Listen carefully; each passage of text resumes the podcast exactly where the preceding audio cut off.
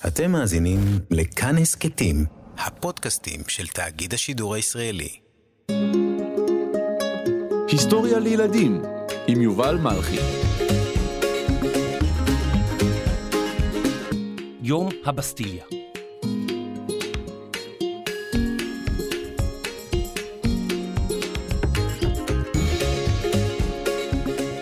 שלום ילדים. היום אני רוצה לספר לכם... רגע, מה זה? יש כאן חור ברצפה, באולפן. מה זה החור המוזר הזה? רגע, אני אציץ פנימה. אה! אוי, איפה אני? הלו, מה זה? כרכרות? אנשים לבושים בבגדים מוזרים? אין כאן מכוניות או בניינים גבוהים? סליחה, אדוני, איפה אני? אני לא יודע, אני לא מפה. אה, סליחה, גברתי, גברתי, איפה אני? אתה, אדוני, נמסור בצרפת, בעיר הבירה, פארי. באמת? כן, כן. רגע, מה, מה התאריך היום? עכשיו חודש יולי 1789. בצרפת שולטים המלך לואי ה-16 והמלכה מארי אנטואנט. תודה, תודה רבה. אוי, הנה סוס. אוי, סוס, הנה סוס, שלום. רגע, הסוס הזה, מישהו רודף אחרי הסוס הזה? למה הסוס הזה אבל דוהר לכיווני? אוי, מה, מה, קורה פה? מה קורה פה? אני, אני לא אסתדר פה, אני בקושי מדבר צרפתית. מה עושים כל האנשים האלה ברחובות? נראה שהם נורא כועסים. טוב, אני חושב שבאתי בזמן לא כל כך מתאים. אני קופץ חזרה לבור. שלוש, ארבע, ו... אך! זה לא הבור הנכון. אוץ'. הנה הבור, הנה הבור הנכון. שלוש, ארבע, ו... אוף, חזרתי לאולפן. אני ממש רוצה לחזור לצרפת, אבל לפני זה אני חייב להבין מה קרה שם.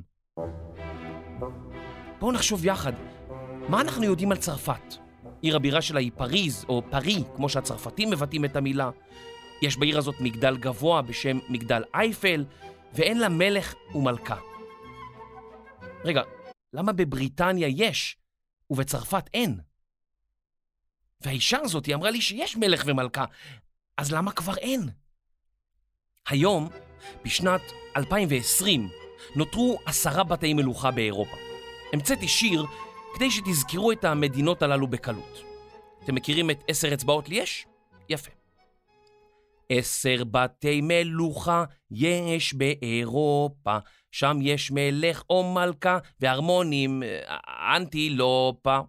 גם נסיך או נסיכה בהולנד ובבלגיה, יש גם בליכטנשטיין וגם בלוקסמבורג. עשר ממלכות לי יש בכל אירופה, מונקו מדרום לצרפת, יש גם בבריטניה, יש מלך בספרד, יש גם בדנמרק, בשוודיה ובנורבגיה, עשר ממלכות יש. תודה רבה, תודה רבה. אבל בצרפת אין. אז למה האישה אמרה לי שיש מלך ומלכה? משפחת מלוכה. מה קרה לה? משפחות מלוכה שלטו בצרפת מימי הביניים, למעלה מאלף שנים. היו שם מלכים עם שמות מיוחדים, פפין הגוץ, קרל הגדול, לואי החסיד, שרל הקרח, לואי המגמגם, קרל השמן, שרל התם, לואי העצלן, יובל החפרן. אה, לא, סליחה, זה מישהו רשם פה? לא, לא היה כזה. אבל כפי שאתם שומעים, למלכים היו שמות מיוחדים שכאלה. בשנת 1789 מלכו על צרפת המלך לואי ה-16 והמלכה מארי אנטואנט. באותם ימים משפחות מלוכה התחתנו זו עם זו. אמו של לואי ה-16 הייתה מפולין, ומארי אנטואנט, אשתו, הייתה בכלל מאוסטריה. אבל בואו נחזור עוד קצת אחורה.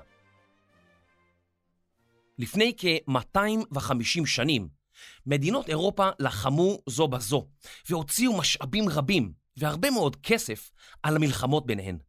בין השנים 1740 ל-1748 התרחשה המלחמה המכונה מלחמת הירושה האוסטרית, והשתתפו בה כמעט כל צבאות אירופה.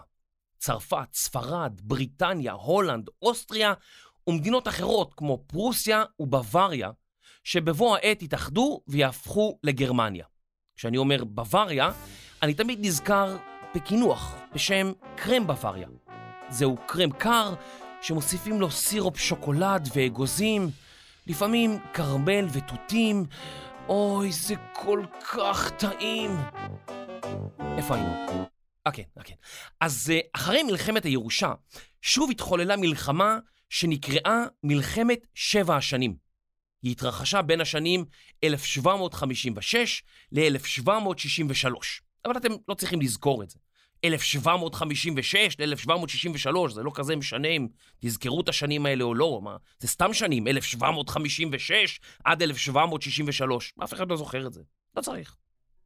במלחמה הזאת השתתפו מדינות נוספות, למשל רוסיה ושוודיה. כל המדינות שהשתתפו במלחמות הוציאו כסף רב כדי לנסות ולנצח. הכסף שימש לתחמושת, לביגוד, לאוכל, לציוד לחימה, לסוסים, לאוניות ולעוד ועוד הוצאות שונות. מלחמות עולות הרבה מאוד כסף, וצרפת נקלעה לחובות כבדים. כדי לשלם את החובות שלה, היא נאלצה לקחת כסף, או במילים אחרות, להטיל מיסים על אזרחי המדינה.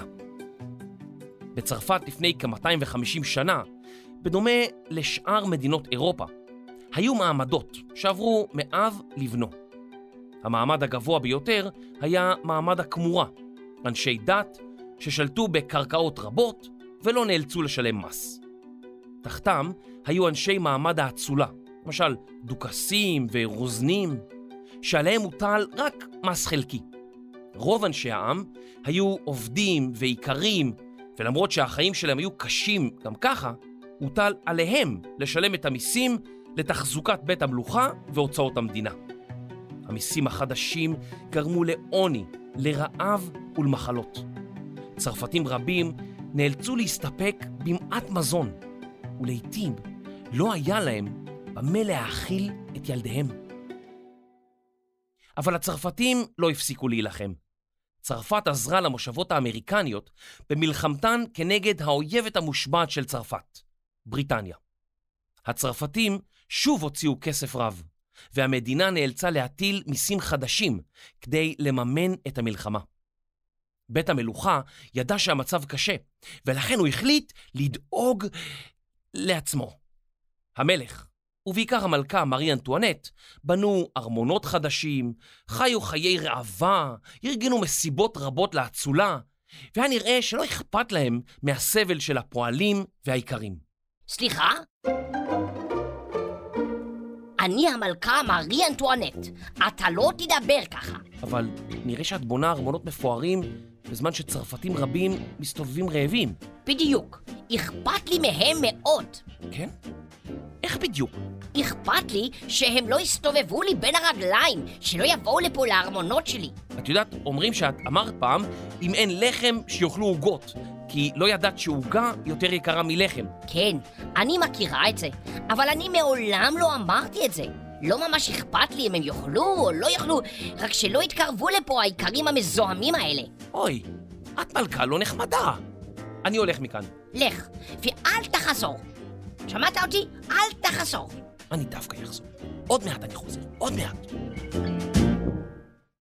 חיילים צרפתים שחזרו מהמלחמה לצד המושבות האמריקניות החלו לחשוב כי כל עניין המלוכה הוא רעיון גרוע. הם הרי בדיוק עזרו לארצות הברית להשתחרר ממלך אנגליה ולהקים דמוקרטיה, שבה העם בוחר את נבחריו. למה שהם לא יעשו אותו הדבר בצרפת? אתם יודעים מה? בואו נקפוץ לבור המוזר הזה שוב, ונברר אם כל זה אמיתי. שלוש, ארבע ו...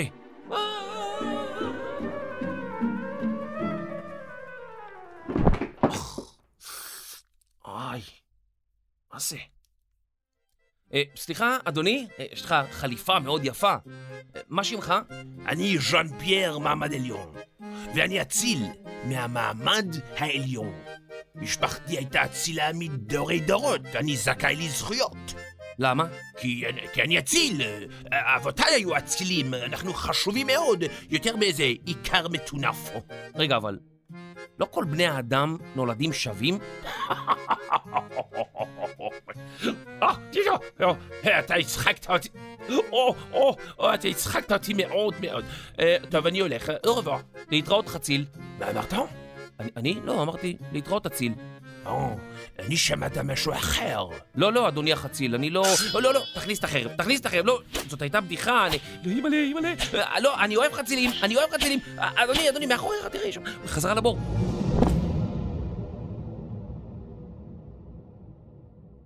זה היה קרוב. בשנת 1774 עלה המלך לואי ה-16 לשלטון. כלכלת צרפת כבר הייתה מרוסקת. הכעס ברחובות הלך וגבר. המלך החליט לכנס אספה של המעמדות השונים. הוא בעיקר רצה להראות כאילו למעמד התחתון יש נציגות, כאילו דואגים להם. אבל למעשה, הוא רצה לקבל את הסכמתם להעלות מיסים. במאי 1789 התכנסה האספה. למעמד השלישי, מעמד האיכרים והעניים, היו פי שניים נציגים משאר המעמדות, כי הם ייצגו אנשים רבים יותר.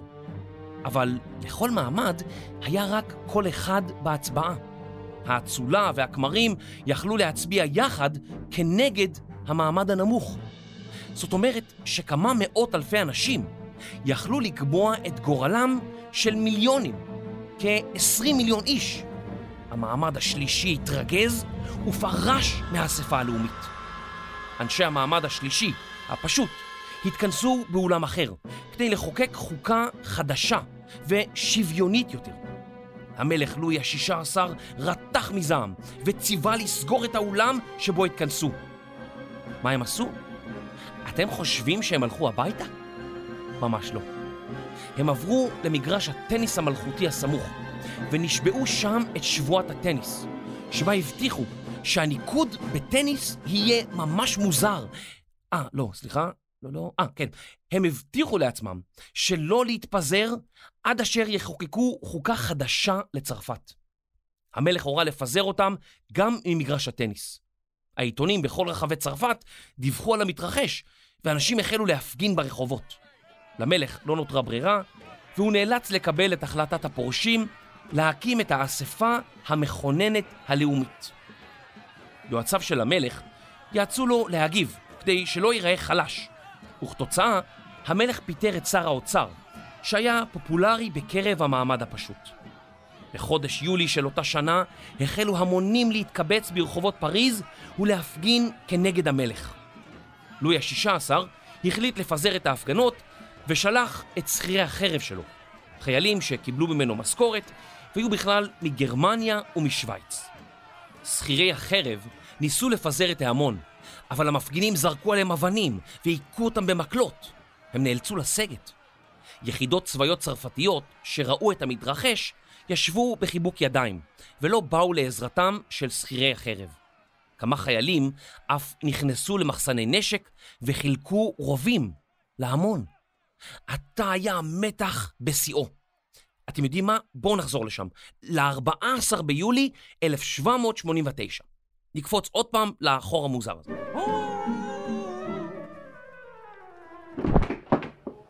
וואו, איפה אני עכשיו? יש כאן המון אנשים, המון! סליחה, אה, גברתי, איפה אני? איפה אתה? אתה מול מבצר גדול שנקרא הבסטיל, או כמו שאתם אומרים, הבסטיליה. פסטיליה, אה, מוכרים כאן פסטה? או, אני רעב, באמת, לא אכלתי מהבוקר. לא, לא, לא. בסטיליה. אה, מה זה המקום הזה? ולמה אתם כאן? וכל כך הרבה אנשים? הבסטיליה זה בית סוהר ומחסון של נשק. אנחנו רוצים לשחרר את האסורים וגם לקחת את כל הנשק כדי להילחם בשכירי החרב של המלך. אילו אסירים יש כאן? תראה, כבר הרבה שנים שכולאים פה את כל מי שמתנגד למלך. כל מי שכתב משהו או אמר משהו נגד המלך, נזרק לכלא הנורא הזה. בעינינו הבסטיליה מסמלת את אכזריות בית המלוכה, כנגד פשוטי העם. תראו, משהו קורה שם. אנשים מנסים לפרוץ פנימה. אני שומע כאן שמועה, מה, מה, ש... שכוח צבאי עצום נמצא בדרכו לעיר, בדרכו לפריז. אוי ואבוי. אבל האנשים לא מוותרים, תראו, הם קופצים על הגשרים המורמים. רגע, אני רואה עכשיו שהם מנהלים משא ומתן עם מושל הבסטיליה, אבל מושל הבסטיליה עושה לא עם הראש. הוא לא מוכן לפתוח את הגשרים והדלתות. אבל תראו כמה אנשים מצליחים להוריד את השער. וואו, המון אנשים נכנסים פנימה. יואו, הם הצליחו לכבוש את הבסטיליה. רגע, אני שומע יריות וצעקות. טוב, זה כבר יותר מדי בשבילי. אני חוזר, אני חוזר. איפה, איפה הבור? איפה הבור? קופץ.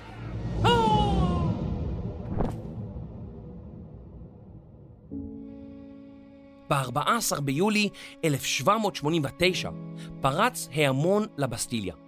הם התנקמו בשומרים ובמושל הבסטיליה, שחררו את מעט האסירים ולקחו את כלי הנשק שמצאו.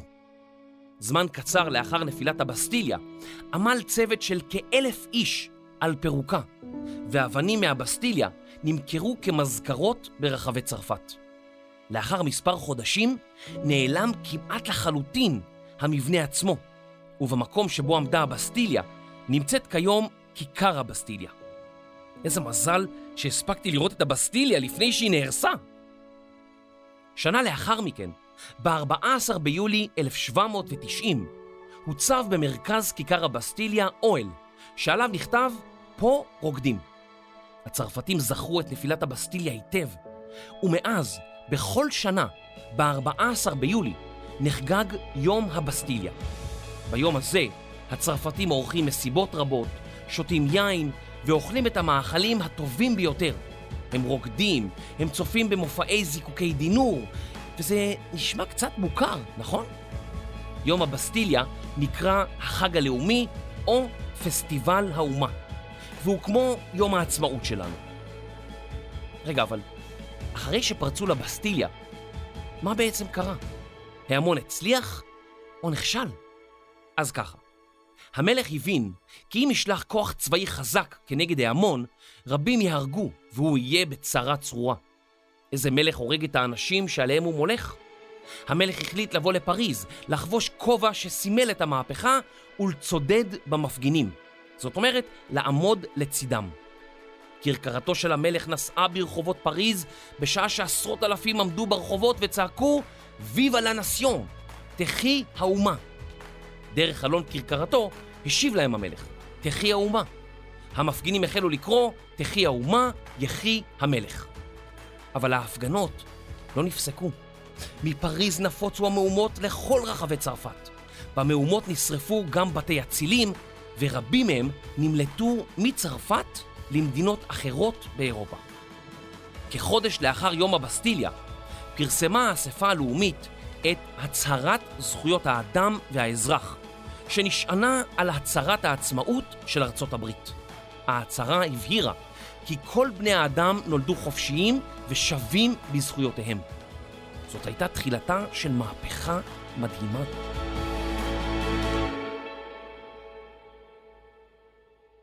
בחודש אוגוסט של אותה שנה בוטלו חוקים רבים שהגבילו את השוויון בין המעמדות.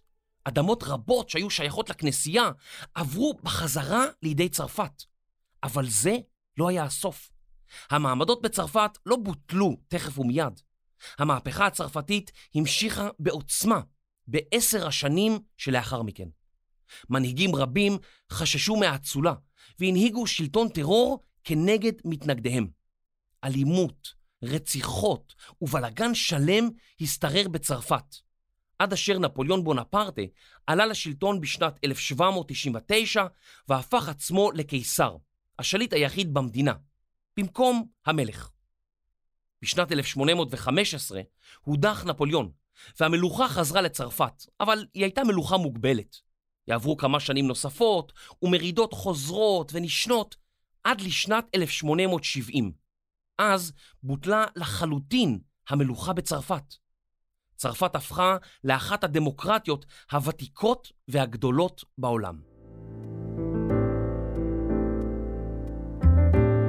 אירועי יום הבסטיליה הם חגיגה גדולה בצרפת. אנשים משקיעים במסיבות, בפיקניקים, ביין ובכל דרך אפשרית כדי לחגוג.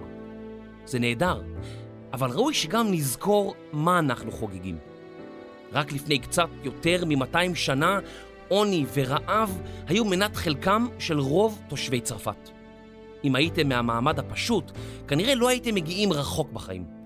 המהפכה הצרפתית בישרה, כפי שבישרה החוקה האמריקנית, שכל אדם זכאי להזדמנות שווה בחיים.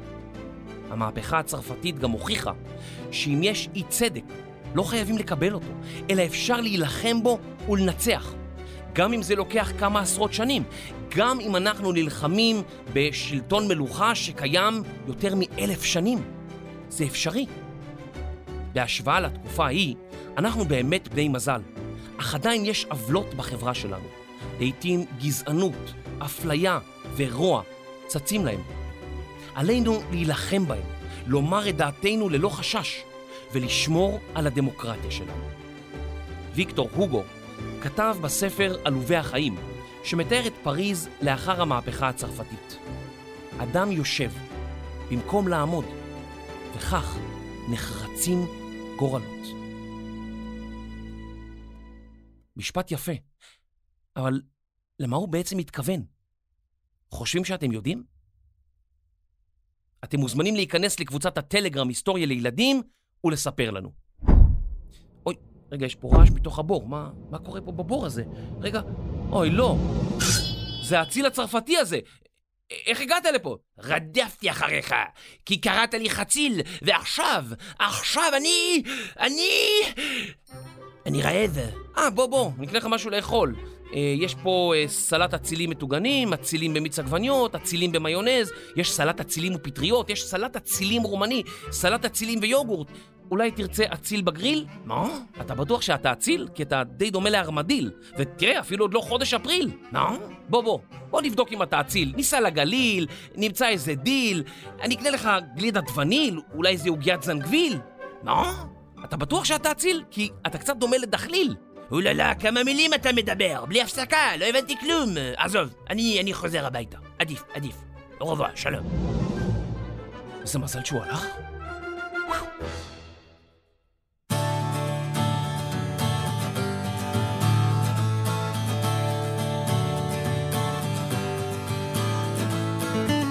מחקר, כתיבה, קריינות, והאיש שמחזיק בשיא העולמי לאכילת הכי הרבה בגטים בדקה, יובל מלכי.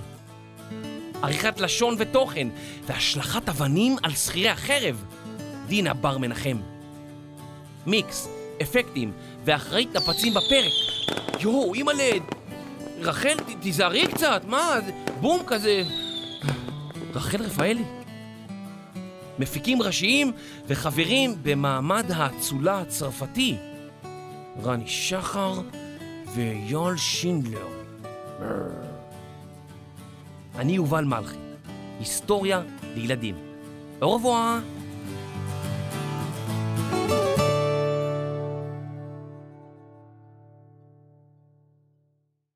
ילדים והורים יקרים, אם אתם אוהבים את ההסכת היסטוריה לילדים, נשמח שתעזרו לנו. דרגו אותנו בכל חנויות האפליקציות, ברשימת הפודקאסטים של אפל, בספוטיפיי ובכל מקום שאתם יכולים לדרג אותנו. רוצים לדבר איתנו? כנסו לקבוצת הטלגרם שלנו, היסטוריה לילדים. רשמו לנו מה חשבתם, העירו לנו הערות, שילחו לנו הצעות לפרקים, ותוכלו להתעדכן בפרקים חדשים ובאירועים קרובים. תודה רבה.